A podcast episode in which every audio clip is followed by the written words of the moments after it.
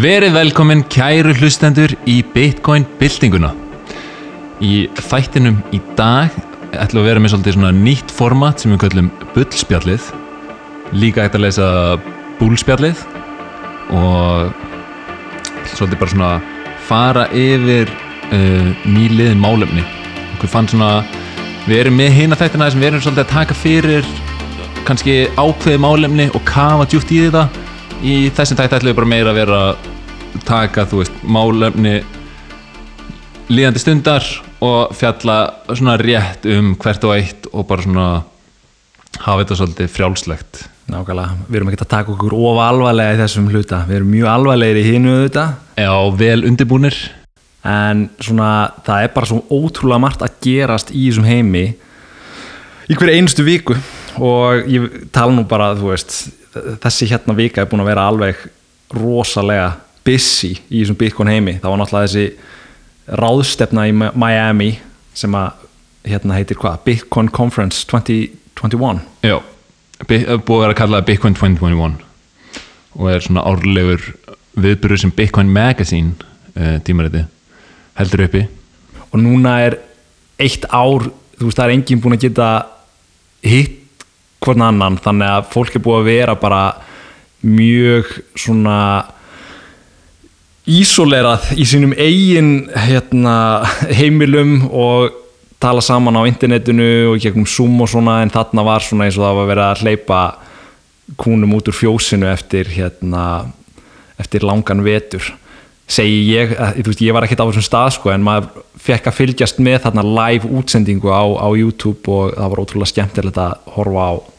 Maður er líka með svolítið á púlsinum á Twitter og þetta er allt svona mjög liðan þannig að maður finnur algjörlega tilfinninguna sem er eiga sér staðana og auglust þannig, þú veist margir þarna voru að nýta tíman og búinir að vera geiman til að koma með svona, þú veist kynningar eða, eða tilkynningar á, á, hérna, á alls konar sem þeir eru búin að vera að vinna að. Einmitt og margt ótrúlega spennandi og, og skemmtilegt sem að kom fram á, á þessari ráðstefnu.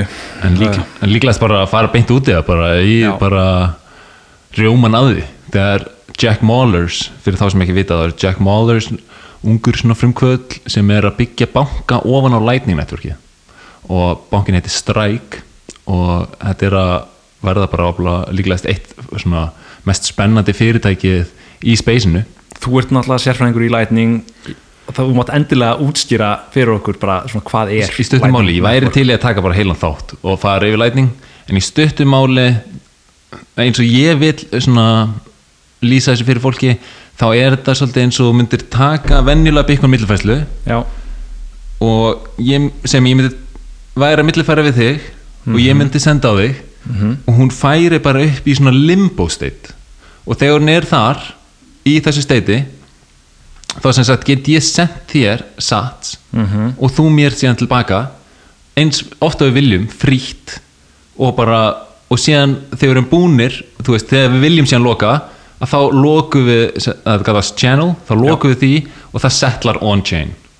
Já, þannig og sen er Lightning Networkið það er í raun og veru bara svona margar þannig channels búin að vera settar upp milli fólks og þá er hægt að milli fara á millist. Þannig sem að ég væri með channel uh, tengt við þig og þú væri channel tengt við einhvern annan þá get ég sendt á þennan annan gæja. Þótt ég sé ekki beint tengtur í hann í gegnum þig. Og þú kannski rukka með smá verð fyrir það. Einmitt Þannig að þeir gaggrinnindur sem hafa verið að tala um bara að Bitcoin sé ekki nótæft til þess að vera miðill fyrir fólk að nota til að Akkurat. hérna, senda peninga sín á milli. Þetta gerist kannski ekki á þessu grunn Bitcoin læginu layer 1 heldur á þessu svona layer 2 ef ma- menn geta ímynd sér skilur að þessi svona lagskipt. Þá er ertu komið og- Lightning Network ofan á þetta grunnlag. Akkurat, þetta er eins og bara laukur. Þú ert bara með lög og nú lög af, af sem sagt af þessum layers og, og ástæðan til dæmis fyrir því að grunnlayerin er hægur er til að veist, auka öryggið í, til bara í maxið Einmitt. svo öryggið sé bara veist, max og þess vegna eru tíu mínuna blokkar og þú veist, millifæslur kosta -hmm. og svo leiðis og, og oft sagt skilur bara já hérna til, ég er með an, eitthvað annað kryptocurrency hérna sem að getur gert 50.000 millifæslur á sekundu já, en það sem að fólk áttar sig ekki á þar og það sem er gríðarlega mikilvægt átt sig á ef þú myndir ætla að hafa 50.000 millifæslur á sekundu á grunnleirinnum -hmm. að þá væri ekki fræðilegt fyrir þú veist, þinn almenna borgara að keira sinna í nóðu. Nei, hún er alltaf stór hún er Er það bara ekki? allt og stór. Já, og þú veist þannig að tölvikerfi við að keirina er þið bara allt og dýrt. Já, og það, er, og það þýr að það verður greiðlega svona miðstyring í að, keira nóður Já. sem er slæmt og veist eins og ég reyna að segja öllum það er alveg greiðlega mikilvægt að keira þína eigin nóðu þú veist, auðvitað þarftu þess ekki til að byrja að stapla en þú vilt algjörlega stefna ángað og það gefur bara svona bæði miklu betri skilning á öllu kerfinu og líka þessi gru, þetta grunn öryggi þú veist, það þurfu ekki að treysta nóðu einhvers annars. En semst Jack Mollers. Jack Mollers, ég er búin að vera stór aðdáðan á þessum strák, hann er bara, hann er svo orkumikill og hann að hann er ungur, hann er bara 27 ára held ég. Já, ég held hann sé 27 ára og er, þú veist, að gera þetta fyrirtæki og er, er, sér þetta svo skýrt að, að, að þú veist, að þessi opin kerfi eins og Lightning er bara komin til að, þú veist, sigra og það er ekki hægt að keppa við þau. Og hann að mæli myrkilega með að hlusta á, veist, á, á podcast með honum -hmm. eða hlusta á kynningunans á Bitcoin 2021 þar sem hann er að kynna þess að verkefni sem þeir eru búinir að vera í með El Salvador. Og það var þannig að það var þannig að stræk ætlaði að fara að opna fyrir stræk í Evrópu. Og hérna en Moller setti það svolítið on hold af því að hann sá að hann gat gert miklu mikilvægri vinnu að hans mati í El Salvador. Og hann fór í að opna stræk þar og stræki komið á lagninar þar og hann sagði kynninguna að þeir var að taka við held í 20.000 notendum á dag inn í stræk. Og það er svakalegt sko. Og, hann, og er að gera fólki klift þar bara að fá sinn einn ein banka og, og, hann, og núna í El Salvador þá er bara komið massíft bitcoin adoption. Einmitt. Ég man ekki alveg hvað tölunar hvað margir þar eru að halda á bitcoin en alltaf þá er á langflestum stöðum hægt að, vesla fyrir bitcoin og fólk er að nota þetta í dag, Lightning Network sem bara greiðs, greiðslumiðl Já, ég held að ég hefði sér tölur um að það væru 70, að milli 70-80% af þjóðinni í El, El Salvador hefur ekki bankaþjónustu. Já, og El Salvador notar þjóðargjaldmiðlin bandarækjadólara og það eru mjög margir hérna, El Salvador búar sagt Salvadorians. Salvadorians, þeir eru sem sagt 6,5 miljón mann sem búa í, í ríkinu. En ég held að sé 1,5 miljón mann sem býr í bandarækjunum það var allavega það sem ég sá. Og þeir sagt eru að sagt, það skiptir mjög miklu máli vinnar sem að þeir vinna í bandaríkjunum að þeir eru að senda peninga inn til ríkisins aftur til heimalandsins akkurat og í þeim tilfellum þá ertu með 50% þjónustu gjöld sem að er tekin fyrir Já, þessar millifæslur alltaf, alltaf stundum Alltaf. já, en þetta er náttúrulega bara það er náttúrulega galið. Að gefur að skilja að þetta er algjörlega galið og það er bara verið að féfletta þetta fólk. Mhm.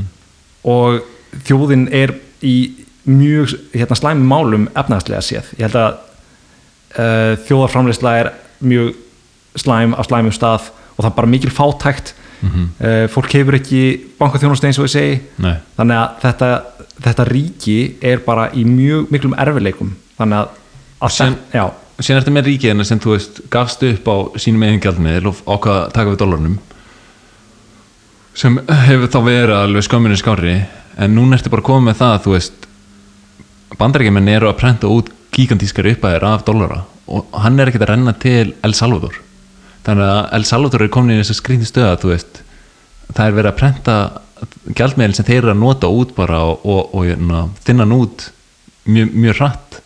Þannig að þessi nú þegar fátæka þjóð. Já, þannig að þeir þarna Jack Moles kemur hérna upp á svið og þetta var rúsínan í pilsuendanum á þessari ráðstefnu Já. og maður var búinn að sjá á Twitter það var fólk búið að vera að tweeta einhver bara svona Já, það there's, gonna big, there's gonna be big news in the end og eitthvað svona við vorum búin að vera spekulur um það í, í hérna, Telegram-grúpunni hvað hva skildi vera sko?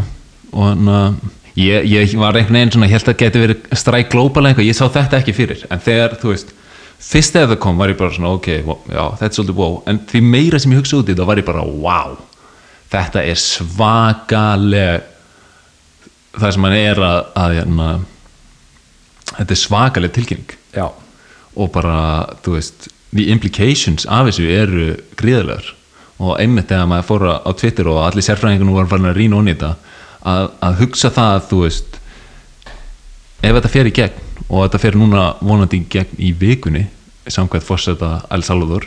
Þeir eru að leggja þetta sérst fyrir Þingið. leggja þessi lög fyrir þingið og já, hann er búin að gefa skýrmerki um að hérna, þetta verði að veruleika og ég held að fórseti þingsins hafi líka gefið það þeir, þeir eru flestir, þeir eru margir allavega að komnu með laser eyes. Já, sem er náttúrulega ótrúlegt. Við erum að horfa fram á það að sko þjóðar höfðingjar og svona hátsetti ráðamenn í El Salvador og reynda núna líka vísvegar um Suður Ameríku vegna þess að þessar, þessar fréttir eru svo sannlega búin að hafa mikil áhrif. Þetta, áhrifin er að breyðast út um Suður Ameríku við fjöllum pínlutum það á eftir Mm. en þeir eru að setja upp í prófælmynd á Twitter skilabóðum það að þeir séu hliðhóllir Bitcoin með því að breyta myndin þannig að þeir setja svona rauð leysir augu Já. á prófílmynd ég vil segja laser rays to 100k Já. að, að, að, vera með laser augu þángar til að Bitcoin fyrir í 100k þetta er svona þeir sem hafa þá trú að Bitcoin geti farið í 100k þessu ári, þeir hafa sett laser augu í profile ég myndi nú samt segja að þú veist, þeir eru ekki endilega að tala um þetta sem sko að setja Bitcoin upp í 100k en þeir eru miklu frekar að setja þetta upp vegna þess að í kjölfarið af því að El Salvador hérna uh, segist vilja lögleiða Bitcoin sem bara löglegan gjaldmiðl í þeirra hægkerfi þá koma önnu ríki við erum með nokkur ríki, við erum með Paraguay Panama, Nicaragua og Brasilíu.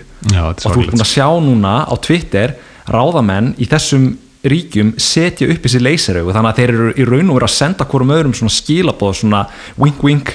Við erum líka hérna það var nefnilega, ég, þú veist, þegar það kom fyrst út þá var maður náttúrulega bara að fagna og allir bara eitthvað aesthetic með að El Salvador væri að fara að taka upp eitthvað sem hann, legal tender í landinu og hann, sem er alveg satt en það kom einn hérna kritík Bitcoin er með kritík á það að þessi, á, hvað áhrif þetta geti haft á sem sagt fyrir pólitík El Salvador og hvort að sem að við getum sé í kjölfar bara þú veist, viðskipta þvinganir já, eða einhvað svona, þú veist, kúp eða ein- einhvað svona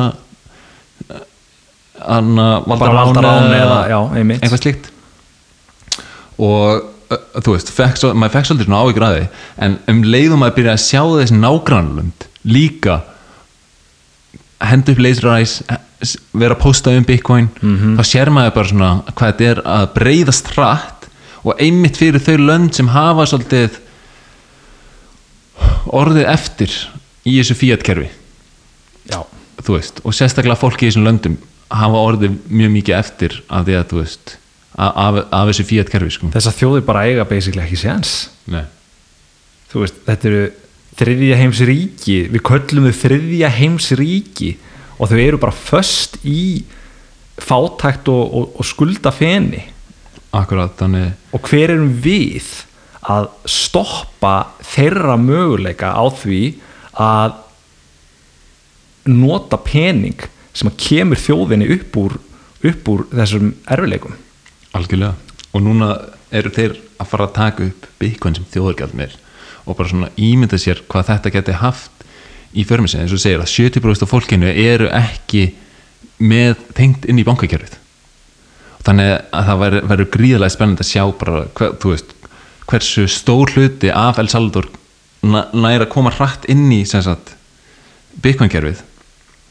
Og skilvirknin og þú veist, hag, hagkvæmnin sem því fylgir. Og þetta, þú veist, eins og í tölum minn síðstætti með null, þá er þetta svolítið svipað. Þetta er eins og bara fyrsti bærin í, sé byrjaður að nota null Já. í útreikninga og, og verða bara því, þar leðandi miklu skilverkar en nágrannar. Og ég get alveg ímyndið mér að nágrannan þjóður fara að, að gera eitthvað svipa og það er náttúrulega bara eins og við erum búin að tala um. Það, þau eru byrjuð að senda merki um það að þetta sé í pípunum hjá þeim sko. Mhm.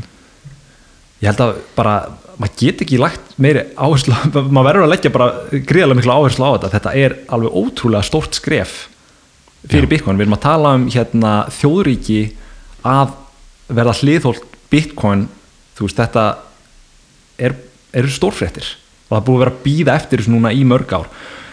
Og margir eru búin að vera að spá fyrir um hverjir myndu vera fyr, fyrsta þjó- þjóðuríki til þess að taka svona vel á Bitcoin.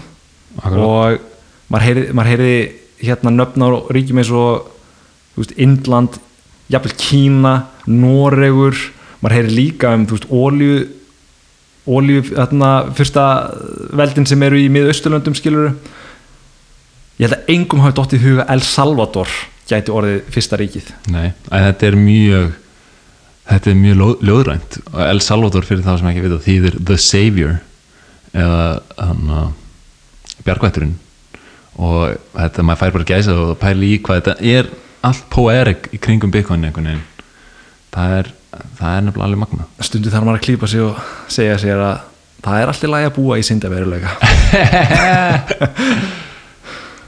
En það var mjög áhugavert að hérna, þegar hún var að tvíta um þetta hún er hérna Caitlin Long og hún var að, svolítið að gera grein fyrir hversu mikilvægt þetta væri af því að núna væri þá Bitcoin orðin bara löglegur lög eirir, þetta er bara orðið þú veist, peningur -hmm. og hvað, hvað það þýðir fyrir bara hvar Bitcoin stendur svona í lögum Já. basically það hefur alveg gríðarlega áhrif þó að sé mjög lítið land sem er að taka upp Bitcoin sem hann gældmiðil að þá hvað áhrif mun það hafa á, á Bitcoin inn, innan löggjöf annara þjóða? Einmitt. Þetta snýst þá um hérna hvað skattlagningu Já. er það ekki, við þurfum að fá það væri nú bara gott að, að hérna einhver einhver lög- lögfróður einstaklingum myndi kíkja á þetta. Við Af því þyrft- þetta er líka einmitt, bara sko. sko, það er það örugglega ekki til en fordæmi á einhverju svona að gerast eins og við höfum áður fjallaðum þú veist, við erum að horfa á hérna asset class verða til upp úr nulli peningavæta hérna, eign verða þú veist, úr null upp í trilljón dollara. Akkurat, þannig að þetta er bara glæði nýtt. Þetta er alveg magna maður Íslenski fjölmiðlar, þeir hérna já, það tók þá nokkar daga til þess að átta sig á mikilvægi þessara atbyrða en núna í dag, það er 8. júni þá byrtist grein á dfaf.is það sem að þeir eru að fjalla um sem sagt að El Salvador séu að fara ekki að taka upp Bitcoin heldur að gera hana löglegum hérna gjald, gjaldmiðli. Og í sömu frétt þá er það að tala um sem sagt annað född eða fear uncertainty and doubt atrið með hérna colonial pipeline. Varst eitthvað búin að kíkja á þetta? Ég var eitthvað búin að sjá um þetta, já. Að það var sem sagt hack já, í, hakkarar í bandaríkanum sem að lokuðu einhverju pipeline og báðu um Bitcoin fyrir greiðslu. Mm og hérna og fengu hana. Fengu hana og síðan náði FBI að hakka Bitcoin og taka þá taka þau að þeim. Einmitt. eins og maður skildi í fréttunum. Já, fréttin var þannig að það búið að hakka FBI búið að hakka Bitcoin þannig að svona fólk, fólk sem les greinina það heldur örgulega að ok, ef að FBI getur hakka sig inn á og bara náði Bitcoinu mitt þá er kerfið örgulega algjörlega gagslaust nema það að þetta var ekki svo einfalt. Nei. Það sem að ég sá uh, leiðir mér bara ef að ég hafði villus fyrir mér en það sem að ég sá var að þeir voru komni með Bitcoin í sínar hendur og svo geimdu þeir private keys sem sagt liklana að veskjónu sínum inn á einhverju bara svona skýja neti. Einmitt, einhver svona cloud servers sem að FBI komst inn á og ef þú ert eins og við fjöllum um í, í öðrum þættinum Mhm. sem sagt óen, Bitcoin hérna, er óendalegt deilt með 21 miljón mm. þar sem við fjöllum um að upplýsingar eru bókstaflega orðina peningum. Akkurat, þarna var FBI búið að komast inn á bara þú veist Dropboxi hjá þessum hökkurum eða hvernig sem er geimdu þetta og opna hérna wordskjali þar sem að standa hérna 12 eða 24 orð. Akkurat og þeir eru komnu með veskið í hendun og þarna. Já, þannig að þeir eru ekki búin að hakka sig inn á bitcoin kerfið. Nei, þessir þjóvar voru bara vittlisingar að geima geima hérna, uh, já, það sem þau voru að stela inn á einhverju skíalust já og en uh, og þú veist, þótt að við séum ekki stund að glæpi þá er samt mikilvægt að þú veist taka þessa sögu sem smá leksíu og að geima aldrei prívat líklarinn sína inn á einhverju svona þú veist, cloud service, ekki geima í notes í símanuðinum eða ekki, ekki geima á einhverjum e-mail server eða skrifa það bara niður á blað og hamra það síðan niður á járplötu það er bara, það er einlegin nákvæmlega. Og þannig að þú, þú veist, þú, ert, þú vilt halda fastum líklarinn og ekki geima á neinu tæki tengt við tölvu og þeir sem eru að hugsa með sér já en samt maður þeir náðu að komast í þetta. Damn, Bitcoin, það er samt alveg frekar ótröst er það ekki? Þá sá ég hérna á Twitter það var Douglas Bonaparte sem að skrifaði I just hacked the US dollar by taking 20 bucks from my wife's wallet. Þú veist, þú ert búin að hversu ótröstur er dólarinn skil Akkurat. þú getur bara farið og hérna tekið dólaran frá konunniðinu eða manninniðinum og, og hérna En mér finnst mjög áhugavert eins og á vísi að þessi frétt kom á undan El Salvador fréttinni.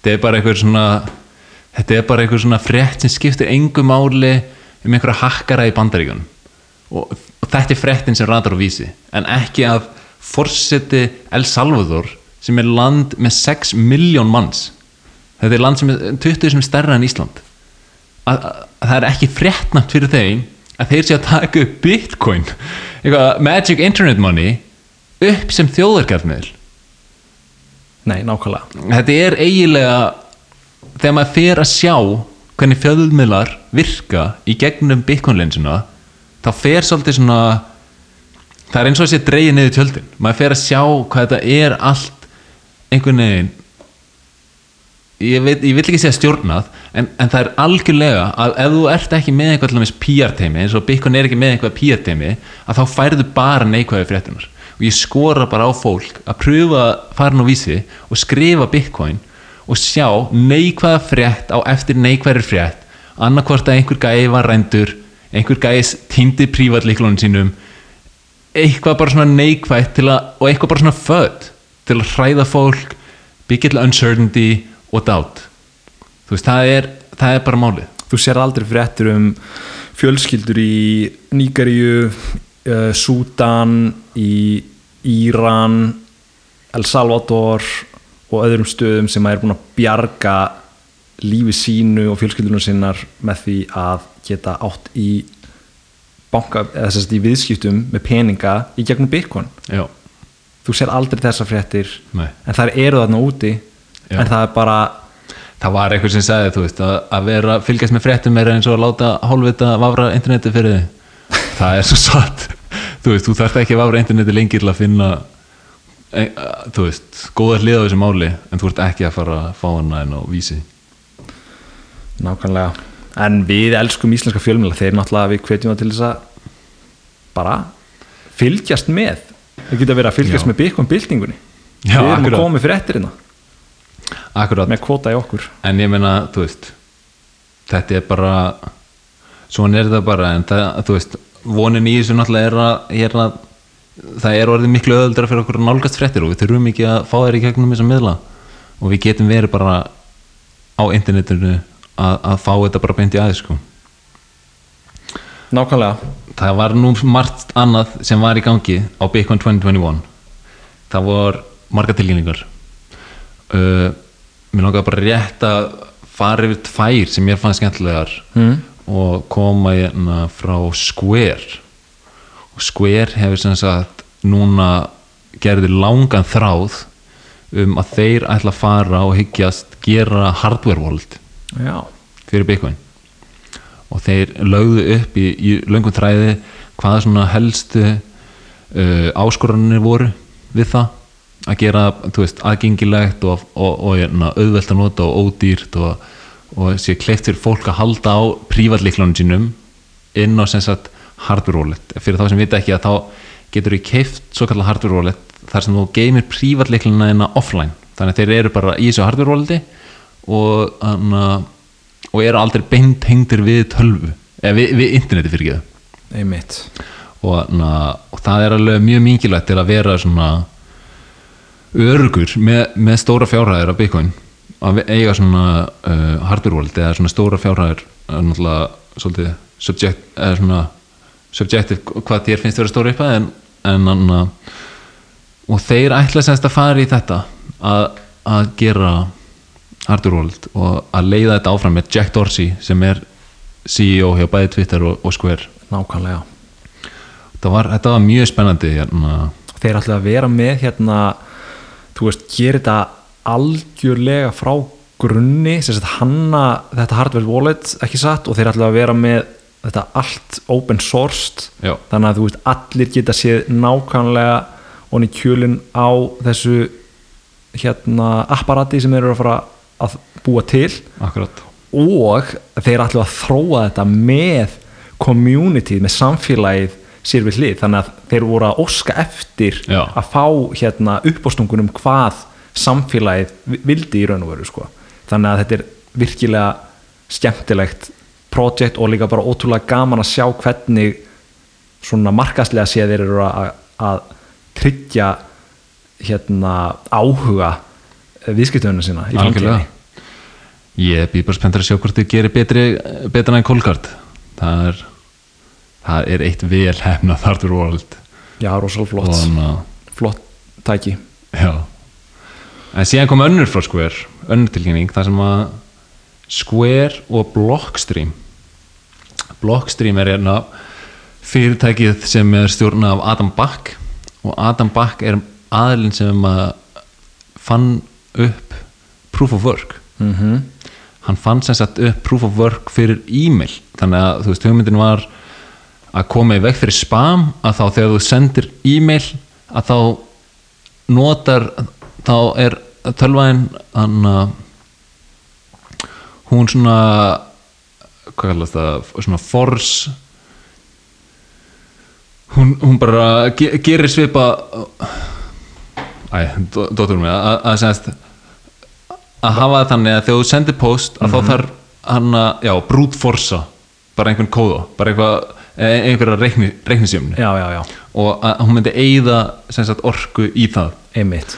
Og þar leðan, en þú myndir ekki taka eftir það, það væri bara svona örlítur orka sem tölvæðin myndi eyða í að senda eitt post Já. en það myndi koma í veg fyrir að getur sendt þúsund posta. Einmitt, þetta var einmitt bara í gamla daga Sérstaklega. ég man eftir því, þú veist, þegar maður var að opna einhvern hotmail account og svo var allt í einu skráðum að segja á einhverju, þú veist á einhverju síðu og þá varstu bara komið spam döiðans -hmm.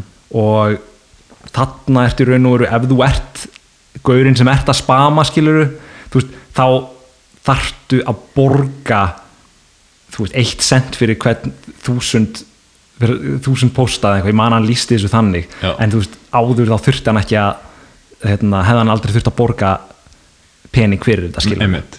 þannig að þarna varstu búin að komast hjá því að hann gæti bara sendt út endalst bara miljón posta á öll Já. netfeng sem að er örgulega hægt að útvega sér með einhverjum leiðum skiluru Akkurát en bjó Adam Back til, var það hann sem bjó til síðan Haskass eða var það Nei, ég er ekki viss með það. Nei, ok.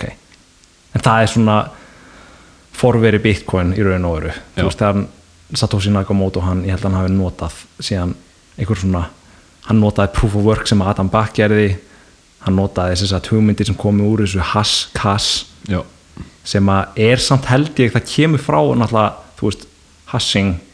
Nei, já, ok ég, það, það er kannski ótengt hérna proof of work pælingunni hjá Adam Back Never mind. Nevermind Adam Back, hann er hjá Blockstream og þeir hafa partnerað með núna Square sem er þetta, Square er stórt greiðslumiluna fyrirtæki í bandaríkjunum. Og þeir eru meðal annars með Cash App sem er mjög frækt sérstaklega í bandaríkjunum. En að þeir hafa núna partnerað og er að fara að setja upp 50 miljón dollara mining operation sem verður um, einungis á sólar. Og þeir ætla sem sagt að búa til bara svona basically svona proof of work yfir að sé hægt að gera mining operation um, sem sagt svona grænt. Það er klikkað. Það er svolítið cool og þeir ætla einmitt líka að hafa þetta allt open source og allir geta fylgst með hvernig, hvernig þetta mun ganga. Og þetta eru spennandi verkefni sem að þú veist er verið að taka fyrir og ég er svona mjög spennandi að fylgjast með hvernig Square er að interakta svona við Bitcoin. Já, mjög cool. Þú veist, maður já, og Blockstream náttúrulega það sem þeir eru að gera í dag líka er þeir eru með þess að hérna gerfinhettina Mhm. er það ekki? Þannig að þú veist þeir eru með gerðunættina og þeir hafa sem sagt tilkynnt það að þeir ætla að hjálpa í El Salvador. Já, bæði að koma upp í gerfinhautum þar, þú veist við, viðsvegar, vítt og dreift og sagt hardware veskjum fyrir, fyrir fólkið. Og þannig að ég get nú ekki alveg ímyndið mér hvernig þetta mun vera sett upp að vera alveg bara svona center þar sem þú getur komið og, og fengið, þú veist millifæslur eða eða sísla eitthvað einmitt. Það verður mjög spennandi að sjá hvernig þeir ætla að gera þetta. Ótrúlega spennandi, það er svo margt nýtt í gangi.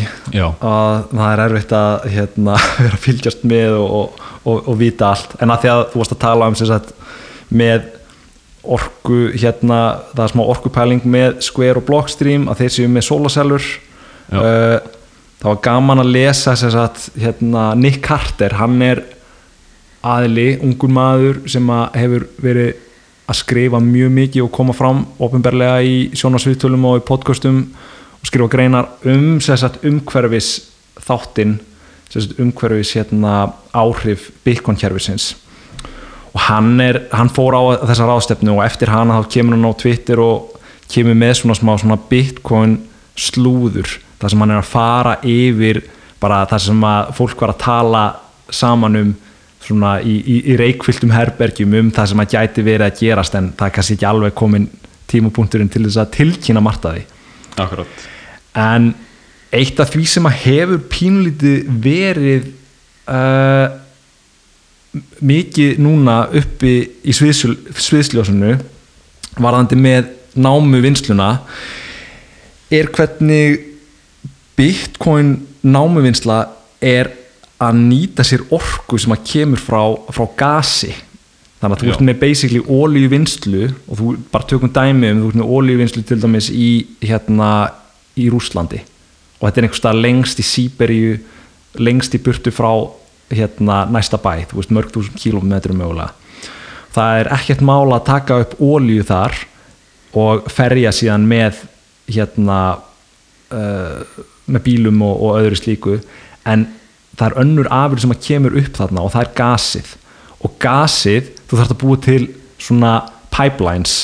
Í raun og veru bara svona röra hérna, búa til röra braut sem að fer með gasið yfir til viðskiptavinnarins mm. og í mjög mörgum tilfellum, þetta er ekki bara í, í hérna Sýberíu í Sýberíu, þú veist, þú veist að tala um þetta er í Bandaríkjónu líka og í Kanada og það hafa flesti séð þú veist, þegar, þegar þú lokar augunum og ímyndaðir einhvern svona oljubor svæði að þá sérðu þennan svona staur sem stendur upp úr og kemur eldur upp úr honum. Já, það, það er semst, já, einmitt. Og ástæðan fyrir því að það er eld ástæðan fyrir, það hafa allir séð þessar myndir og ástæðan fyrir því að það er eldur þarna er að þú ert með metangas sem að kemur upp úr jörðinni og þeir kveikja í því. Já, af því að það er ekki hægstækt fyrir þá að flytja það yfir til viðskiptöðunar sem er kannski 1000 km í burtu. Og ástæðan fyrir þeir kveikja, fyrir, kveikja í því er að metangas ef þú brennir það, þá breytist það í koldíoxid og metangas er 30 sinnum óumhverfisvætna heldur en koldíoxid, þannig að þeir bara kveikja í því til þess að minka umhverfisáhrifin. Já, en núna í dag Akkurat. þá ertu komið með bitcoin námivinslu sem að getur basically verið hvar sem er. Þú ert bara með lítil unit sem á tengir við internetið og þetta setja upp lítinn skúr og það sem að er verið að gera núna í stórum stíl er að það verið að setja upp svona skúra bara algjörlega hjá upptökum gassin sem er að koma upp, í, loft- upp, í, upp á uh, yfirborðið. Þannig að þeir nýta þeir nýta þessa orku sem að þið 100% farið til spillis. Akkurat og Nick segir, bara svo komið slúðrið hann segir sem sagt flared gas mining is going to be enormously important in the next decade. It can satisfy all of Bitcoin's hash rate. Þú veist, hann er þarna greinilega að tala við einhverja sem að hafa inside information inn í olíu og gasvinnslu. Og ef að þetta er satt þá erum við bara að segja bless bless við veist, þessi slæmu umhverfisáhrif sem að Bitcoin hefur þetta er bara algjörlega beautiful. Já, það er náttúrulega fallegt að, að Bitcoin getur tekið þess að þú veist, orku sem færi annars til spillis. Og, ein, og sérstaklega eins og bara eins og þetta gerir þetta miklu hreina þú, þú ert að taka, þú veist me, metan er flerað en að sjálfsögðu er ekki allt sem endar í eld, skilur. Það er mjög mikið sem fer samt út í andrusloftið Nákvæmlega. fyrir að það sé flerað. En þegar þú hendir bara Bitcoin mænaran upp þá er miklu miklu umhverfisvæn skilur, þú, þú nær að ná miklu meira þessu með þinni og þú nær að gera þetta miklu hagkvæmara.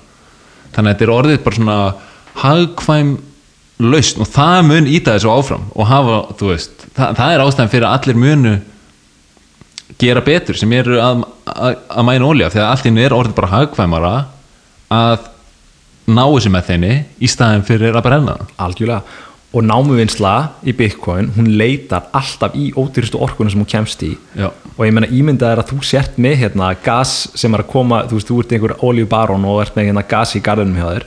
Og það er bara að fara upp og er algjörlega einskisvirðið. Svo kemur einhver bara, herra, ég get nýtt þetta. Ég þarf bara að fá að byggja skúr hérna. Já, þú veist, ekkert mál. Já, akkurat. Umhverfisáhrifin eru basically þau að þú ert að taka þetta gas sem hefði alltaf verið að fara í andrúsloftið og þú breytir því í koldioxid það eru umhverfisáhrifin. Já, en svo ertu líka bara með ímislegt annað í gangi. Þú ert að tala þarna um þess að frétta náðan uh, Blockstream og Square að fara að vera með svona solar sellu átak. Já bara mæna á pure solarorku já, og að, að nýta solarorkuna í ekkert nema að mæna og sjá hvernig svona það verkefni gengur. Þetta er bara verðið á solarsellum, verðið á vindorku verðið á hydroorku skilur, þetta er allt á leiðinni niður. Síðan er náttúrulega, mæning er svo, svo kefnisvill, þetta er bara svona highly competitive. Þannig að ef þú ert að keppast við einhvern sem er að frá, fá fría orku í gegnum uh, svona methane flaring eða, eða í gegnum uh, það er WhatsApps virkjanir eru oft svona eins og, eins og svipað í Kína skilur sem að þú veist kommunistaflokkurinn byggir allt of mikið, allt of stort já, alltaf stóra virkun á einum stað og nærlíkandi samfélag ekki möguleika að, að taka við því. Og þá er það, þú veist, helling af, frí, af orku sem er að fara bara einmitt. til spillis. Já. og það er vatni, vatni knýr þessa þú veist, að býr til orkuna. Já, þannig að hún fer bara til spillis ef hún er ekki, ef hún kemst ekki í einhverja nýtingu. Akkurat. Þannig það sem er svo spennandi er að Bitcoin getur nýtt alla þessu orku og hún, hún líka sérstaklega spennandi núna um, af því að það er náttúrulega svo margt annað í gangi í heiminum og þar er meðal verkefni sem heitir Starlink sem að Elon Musk er að stjórna með SpaceX að þá er þeir að henda út í svona satellites út um allan heim já, og að byggja upp satellite internet. Að, að í raun og veru þú ert komið með internet út um allt að þá er þetta orðið þá getur þú bókstæðlega að mæla bara það sem orkan er að koma, að koma upp. Nákvæmlega. Það er hérna það er alveg magnamaður. Þetta er, þetta er svona vísundaskáldsögulegt hérna, verkefni í raun og veru sko. Sínum manni bara hvað einmitt tæknin henni þú veist, maður, maður lifið sínu lífi bara óskup venjulega að maður heldur. Maður sest upp í sofan og, horfur á Netflix og kvöldin skilur en þú veist, það er svo ótrúlega margt að gerast að, að hérna og svona það sem þetta þýðir er að það er komið grunnverð á orku út um allan heim. Já, þannig að saman hvort þú ert í Evrópu eða í, þú veist, Suður Afríku þá er bara verðið á orku er það sama og Bitcoin er búið að setja bara þetta grunnverð á orku. Þannig að það er svo spennandi að, að hugsa sér svona uppbyggingin sem getur orðið í þessum ríkjum þar sem er erfitt til dæmis að fá stöðu að kaupendur á orkun það er svo erfitt að senda upp orkuver ef þú ert ekki að fara að fá stöðu kaupendur. Einmitt. En legur komið með þetta grunnverð þá er miklu einfaldar að byggja upp infrastruktúrin og síðan koma samfélaginu í já, og byggja svolítið í- upp í kringum kannski það sem orkan er mingil já, einmitt, einmitt. Já, við þekkjum þetta náttúrulega bara á Íslandi þú veist, það var hérna ástæðan fyrir því að virkjaninnar voru byggðar þú veist, það var í raun og voru bara það þyrfti að vera með kaupandan á orkunni fyrst og þú veist, með álverin skilur þú veist, Káranhugavirkjun var byggð að því að Alcoa var búið að gefa það út að þeir ætluð að kaupa orkuna og byggja þetta álver. Já, þannig að þetta er, er það rétt, þetta er svona snýst á við í raun og veru, þú veist, þú ert með orkuna sem er beisluð og svo getur þú búið til samfélagi kringum það. Akkurat. Er það ekki? Jú. Já, og að ímynd sér bara að samfélögu fortíðarna voru byggðið svolítið í kringum kannski aðra ástæður. Voru byggðið í kringum svona þú veist, kaupleir uh, kringum hafnir eða það sem var var mikið um, þú veist. Já það sem að svona transportation var, var gott sko, það sem að samgöngur voru, voru greiðar. Já, þannig að sást þannig byggðar, samfélög byggðar upp kringum hafnir eins og í Evrópu, mjög mikið í kringum hafnir eða, eða stóra ár eða það sem var, þú veist, auðvelt að koma vörum að, en kannski að, borgir framtíðarinnar verða byggðar í kringum orku. Og ég, og ég meina, þú veist, við í dag þurfum orku miklu frekar heldur en heldur en einhverja auðvöldar samgöngur með, með vatni skýrur Mhm.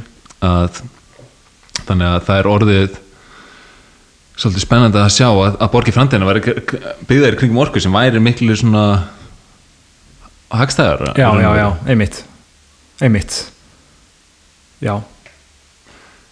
Einmitt, það er áhugavert að hérna, velta þessu fyrir sig hvernig framtíð framtíð geti verið skilur já, En já, talandum Elon Musk hann náttúrulega kom þarna ekki upp á sviðið í, á ráðstefnunni en hann var pínlindi á milli tannana á fólki. Hann var þarna Fireside Talk með Michael Saylor sem er forstjóri MicroStrategy sem er fyrsta fyrirtæki svona fyrsta stóra fyrirtækið sem að fjárfesti ofinberlega í Bitcoin. Og í kjölfari þá hefur hann verið mjög, mjög svona ötull talsmaður Bitcoin. Hann, Michael Saylor og Max Kaiser þeir stígu upp á svið og voru að, að ræða um basically bara Bitcoin og, og hvernig Michael Saylor væri að hugsa þetta sem svona hinn almenni kaupsýslu maður en þeir stigu, stigu þarna upp á sviðið og, og Max Kaiser sem er ótrúlega fyndin karakter, hann er sagt með tvo þætti sem allir ættu að tjekka á, hann er annars vegar með The Kaiser Report sem að þú getur horta á YouTube og svo er hann með The Orange Pill Podcast þar sem hann er bara að fjalla um Bitcoin. En hann er svona fjármála analýser sem á, á sér alveg, þú veist, langa sögu. Langar svo, hann kom til Íslands 2007 og var, var okkur við kreppunni. Nákvæmlega. Sem er mjög áhugavert af því að Max Kaiser kom til Íslands til að vara okkur við kreppunni á sama tíma Óskar Jónsson stæðlabankstjóri var að segja okkur að hafa engar áhyggjur. Og það væri allt bara, var allt í góðu lagi allt í, allt í fína þá kemur Max Kaiser, meistarinn. Stórmerkilegt og reynir að vara okkur við en auðvitað enginn hlusta á þeim tíma. Einmitt. Já, hann bjóð til að það var eitthvað svona hann var að búa til eitthvað svona heimilda þátt, ég man ekki fyrir hvaða stöð það var en já, hann og Stacey Herbert sem eru þá með þau eru bæði þáttarstjórnendur þess að þáttar sem ég var að, að nefna. En nokkur márum setna einmitt eftir að hann kemur til Íslands þá hérna verður hann svona early fjárfestir í Bitcoin. Þannig að hann er búin að hann er svona me- fólk hlustar pínlítið á það sem hann er að segja og þarna stiga þeir upp á svið og Max Kaiser hann er svona stundum með smá svona trúðslæti hann öskrar hérna fuck Elon Musk fuck Elon Musk we're not gonna sell fuck Elon Musk.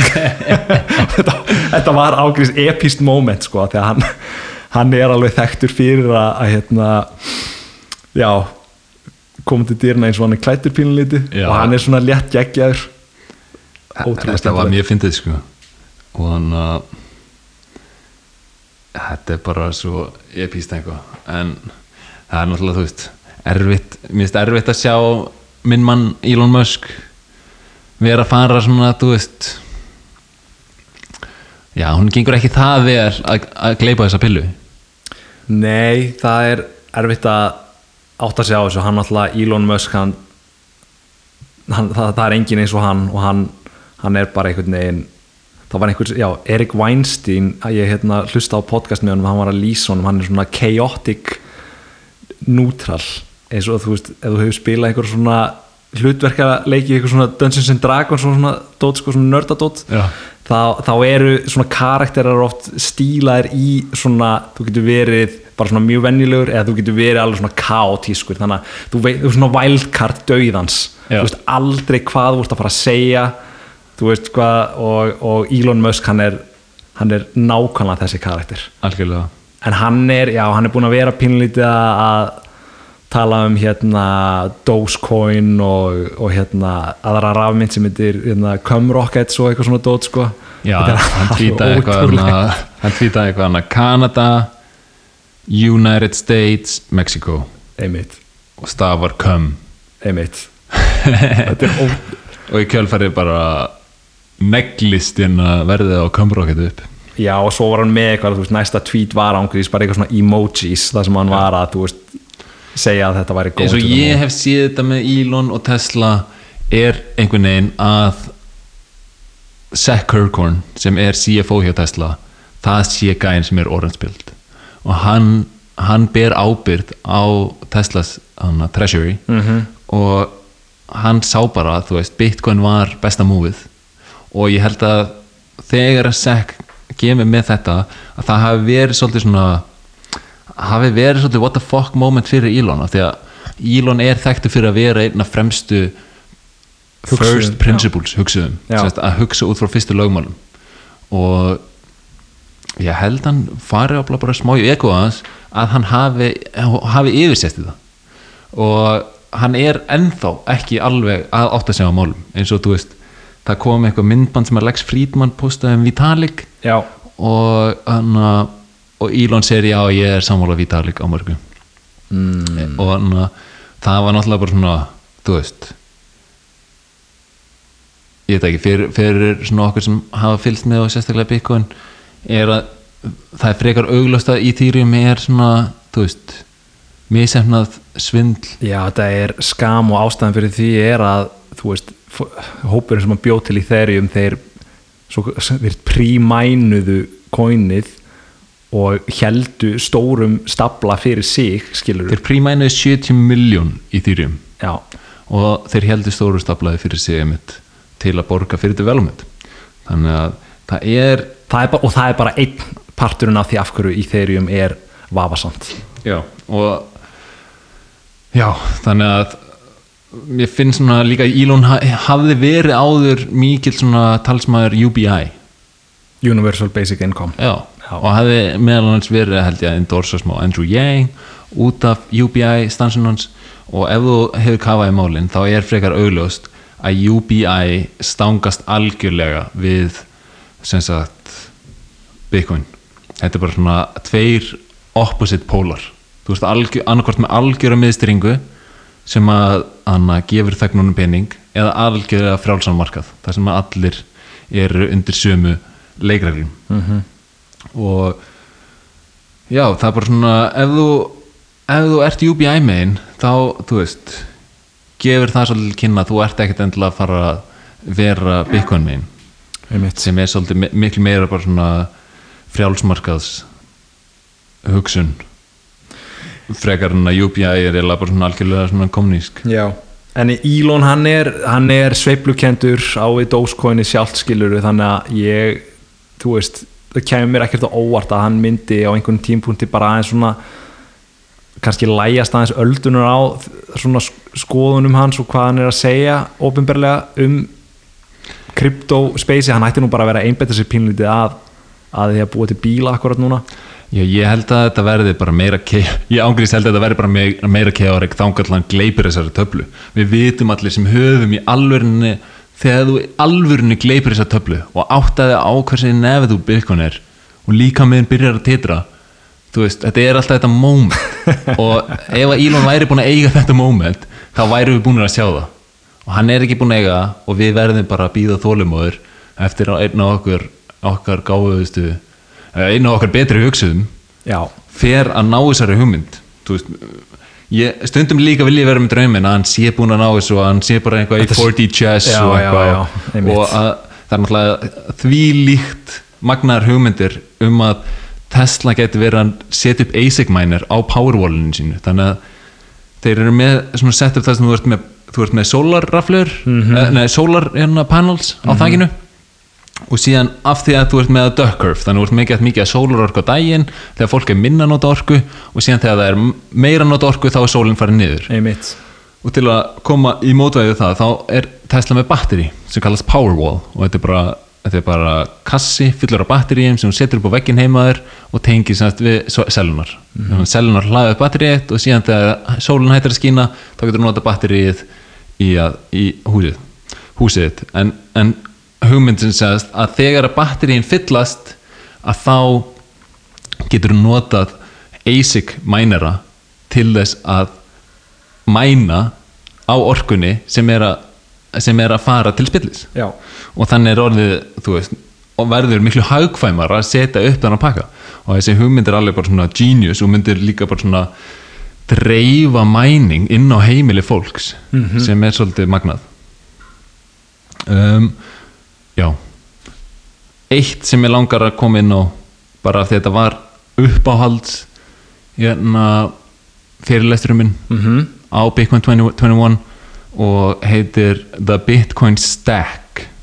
Það er þetta að leita þessu að það eru tveir gæjar, einn frá Lightning Labs og hinn er frá ég man ekki alveg hvaða hérna, Nei, ég hlusta ekki sjálfur á þetta sko þannig að ég man ekki alveg frá hvaða fyrirtæki en þeir semst er að tala um Bitcoin í layers og er að fara mikið inn á Lightning Network. Já, og þetta var þetta var mjög góð fyrirlestur og mælum að allir horfa á hann. En í endan að þá eru þeir semst að tala um hvernig að þú veist það skiptir mestu máli að hafa peningin réttan og ná semst að algjörlega sound money -hmm. og byggja sín upp í leirun eins og við erum að tala um þú, þú býr til sound money ofan á það þá nærðu sem sagt þú veist greiðslumiðlun. Já, og síðan ofan á það þá kemur eitthvað svona eins og DeFi, eitthvað svona decentralized fining, finance, svona þú veist lán og, og, og fleira. -hmm. og ofan á það kemur sem sagt svona web web 3 er að kalla það, já.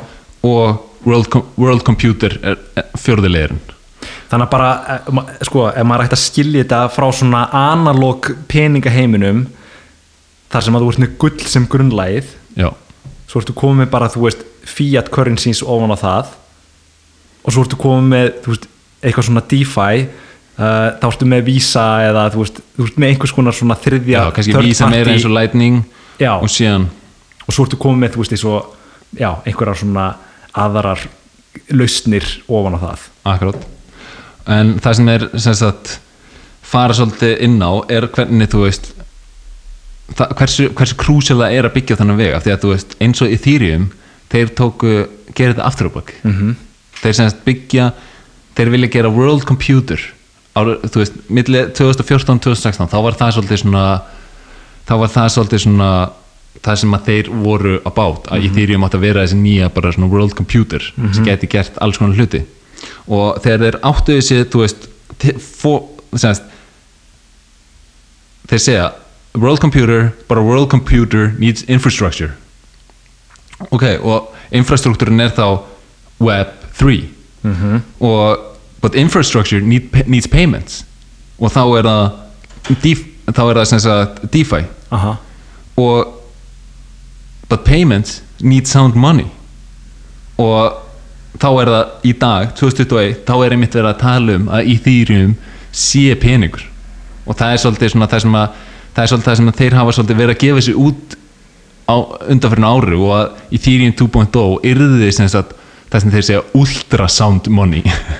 Vá. en, en, en einmitt fyrir pening þá komaður hann inn á þá þarftu stöðuleika já, og þetta er ástæðan fyrir að Ethereum mun aldrei verða neitt af því að þú veist, þeir byggðu þetta algjörlega vittlist -hmm. og hann þeir byggðu þetta vitlust og þú veist, þeir klúðruðu þessu með prímæni þeir klúðruðu þessu með var því bara- að vera með þú veist, nóðunar þannig að þeir get ekki þú veist, venjuleg manneska getur ekki haldið upp í þannig bara til að sjá þetta svona, sjá þetta skýrt bara leita uppi hvernig hana, út, út, hvernig Bitcoin er gefið út Já. og hvernig verð, þú veist peningamagn eikst og hana, það er algjörlega stöðugt. Þú- það er bara svona beinlína og það hefur ekki breyst frá degi eitt. Þú Nei. veist vita frá degi eitt hvað er þetta tilmark Bitcoin í dag og það hefur staðist. En í, í Ethereum þá er engin stöðulíki þú veist, það, það er bara algjörlega breytilegt. Þú getur séð ángríns hérna uh, inflationið á sagt, þegar þeir eru að bara útstreymi á nýjum ethereum, þú getur séð þetta á grafi og Já. þú veist, grafi er bara eins og hjartalínur á mannes, manneski sem er að bara deyja sko, Já, þetta er bara, það er bara upp og niður þú veist, hægri vinstri sko. Þannig að þú veist, það er, það er frekar auglust að Ethereum er einungis að, að telja svona vera treyta því að fólk er ekki ennþá komið með grunnskilning á pening. Og það er bara virðist vera mjög sjálfgæft að fólk skilji svona pening út frá fyrstu lögmálum. Af því að einfallega ekkert af okkur var kent þetta í skóla. Nei, nákvæmlega. Og þau kerfi sem við höfum lifað við hafa ekki verið byggð upp á þessu. Nú- en, en, en, en áður, veist, þetta hafði náttúrulega verið í þúsundur ára að, veist að peningur var alltaf mjög stöður. Og bara svona pínlítið til þess að hérna, þú veist, þú ert með Ethereum og þú ert með þúsundir annara rafmynda og mögulega hafa þær eitthvert svona innovative virði á bakvið sig. Þær er að segjast vera að gera eitthvað þú veist, eins og smart contracts og eitthvað svona dót sem er alveg sniðu hugmynd. En að skapa þessa virkni á Ethereum plattform kerfi sem er peningavætt það meikar ekki sens bara út af þessu sem við erum að tala um. Þannig að þú ættir að geta tekið þessa virkni ef hún er nógu góð og sett yfir á layer 2 á Bitcoin algjörlega. Og það er verið að þróa þessa virkni í Já. dag. Og bara þessi máli er að þetta tekur tíma. Og ef þú vilt gera þetta almennilega og proper, þá tekur þetta tíma. En í þýrjumenn, þeir vildu bara strax gera einhvað world computer. Og ég meina, við vorum alltaf að fara að fara ángað en það var bara ekki komin tíma. Við þurftum fyrst að ná peningunni rétt. Af því að það var alltaf það mikilvægasta þetta er, þetta er eins og ég segi, þú veist þetta er bitcoin byltingin skilur, þetta er eina byltingin sem skiptir máli í dag. Af því að við náum ekki peningunni rétt þá er hitt algjörlega irrelevant. Nákvæmlega, þetta er grunnurinn á öllu sem Já. við byggjum Og núna bara- mann, mann, mannlega samfélag á. Sjö árum setna þá er í þýrjum þegar narrativið er að var, við erum að fara að verða world computer sjö árum setna þá er það komið, herru, við erum peningur ok, en hvað þarf góða peningur? Stöðuleika, það er, er ekki með stöðuleika skilur þannig þeir hefðu kannski átt að pæli því í byrjun í staðin fyrir að vera með einhverja ultra drauma um að vera einhver world computer með, þú veist, sína smart contracta einmitt þannig, en áhugavert, fylgjum með þróunum með þessu. Algjörlega. Herðu, við erum búin að sitja hérna í tæpan klukktíma Já, þáttur var aðeins lengri kannski já, bara fínt, fórum yfir þetta svona helsta sem er búið að vera að gerast núna í sambandi við Bitcoin Miami konferensi við mætum okkar náttúrulega 2022 en látum þetta podcast duga í byli Já, vinnum fólki á Telegram-grúpuna Twitter og Facebook. Og bara, hann vil næsta þætta Bitcoin bulli Bullspjalli All right.